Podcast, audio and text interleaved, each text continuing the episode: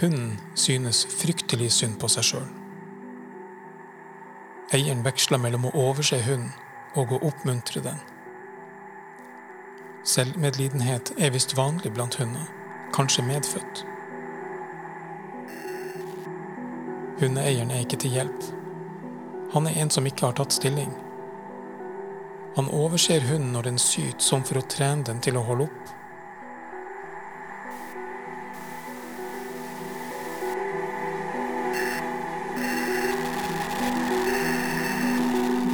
Men når hunden ett minutt seinere ikke har holdt opp, klør han den under haka og bak øret og sier Ja da, nå må du holde opp med den pipinga. Det samme gjentar seg mekanisk.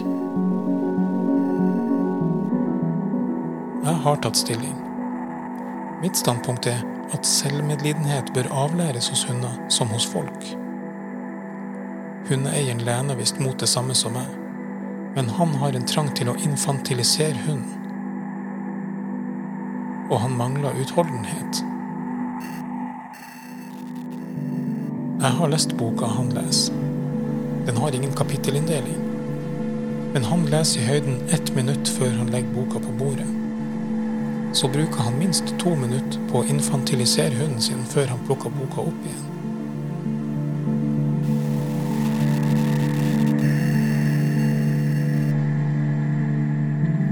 Jeg reiste bort og lærte meditasjon som et farvel til alt overflødig. Men enkelte overflødige ting, som denne hunden og eieren dens, kan ingen overse.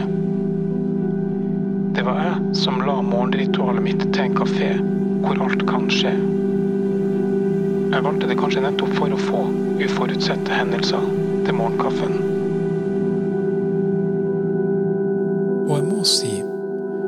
Servitøren kommer ut og fyller på kaffen uoppfordra. At avisen jeg skriver for, har kontor rett over gata herifra. At jeg bor rett rundt hjørnet. Det er en ordna tilværelse, tross alt.